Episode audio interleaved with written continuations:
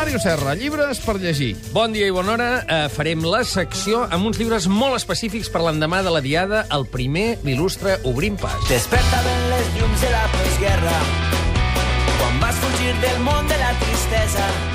És per recomanar una novel·la que diu A terra les muralles. És una novel·la de en Joan Maria Vigues, o, o i ho ha editat Angle Editorial. És una molt bona novel·la històrica que està situada en un bombardeig de Barcelona, però no el 1714, com ara parlàveu, sinó 1842.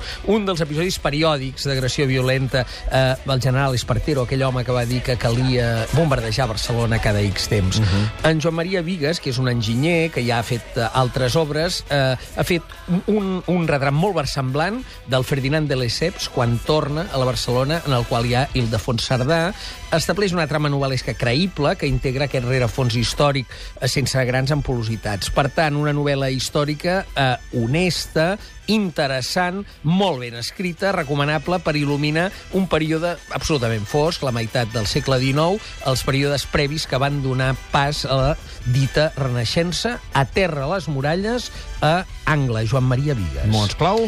Barcelona, no Tarragona, eh, sinó Barcelona, com a mot clau, perquè és on passa la novel·la, Revolta, Cerdà, Lesseps i també altres personatges com ara Clavé, Balmes o Montoriol. Anem al rellegit d'avui. El rellegit ens porta la Dharma, ens porta una reedició de la que la butxaca, de tant en tant, aquesta editorial que fa butxaca, fa llibres en tapa dura, que és una cosa com sorprenent tractant-se d'una edició de la butxaca. Aquest és Homenatge a Catalunya de George Orwell. Aquest, amb la traducció del Folk i Camarassa, i que inclou una introducció de Lionel Trilling del 52, que és, de fet, el que la va donar a conèixer, aquesta obra. Uh, Orwell va dedicar les seves, aquest llibre a les seves experiències a la Guerra Civil Espanyola, uh, però és, um, hi, ha, hi ha episodis en el qual Orwell el trobem a Camp Pistoles, allà al Capitol, diguem, uh, introduït, ficat en la gran disputa entre el PSUC i el POUM, no?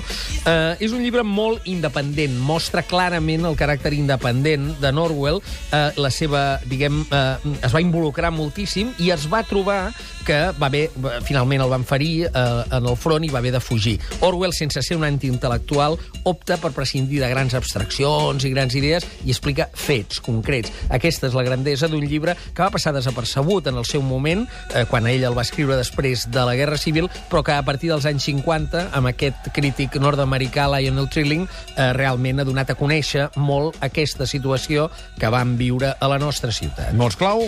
Guerra civil, clarament, però també revolució i comunisme, i també un llibre de testimoni i de desencant. Sabem on som, però no sabem com anar. I el fullejat.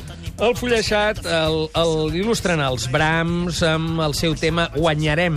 És un llibre que es diu Tornarem a vèncer. Això acaba de sortir ara ara al llibre. És un llibre d'aquests instant books, diguem, eh, podríem dir-ne oportunista. En tot cas, jo en diria oportú. Grans discursos de grans catalans, diu aquí. Uh, triats amb un pròleg d'en Soler i Sabater, 28 discursos catalanistes, ben contextualitzats, des de 1841, justament, on estava situada la novel·la que hem recomanat. El títol, però, curiosament, remet a unes famoses paraules de companys, oi? Tornarem a sofrir, tornarem a lluitar... Tornarem a vèncer. Tornarem a vèncer. Doncs no les va dir així. És a dir, companys va dir... Què dius ara? Tornarem a sofrir, tornarem a lluitar, tornarem a guanyar. Eh? Ja. Però però resulta que en Josep Benet, quan les va adaptar i quan les va fer públiques, va trobar que el verb guanyar potser tenia, no sé si remetia als guanys o què li va semblar, que era més poètic vèncer, i ha passat a la història aquesta frase, el tornarem a vèncer. Aquí es recupera el discurs d'en Companys on diu tornarem a guanyar. Que bo. I per això diu guanyarem. Doncs moltíssimes gràcies, Màrius. Vinga, a reveure. Eh, què et va semblar eh, l'esperit i la manera en la que es va expressar el poble ahir? Mira, eh, clarament plaer, goig i festa. I en aquest sentit, eh, sense entrar, diguem, en valoracions allò del civisme i tot plegat, gran maduresa i gran afirmació sense, sense altres ombres, no? En aquest sentit va ser un clar, probablement l'obscur ens el donarà l'endemà de l'endemà, com comencem a viure avui, i la seva articulació a través de la política, no?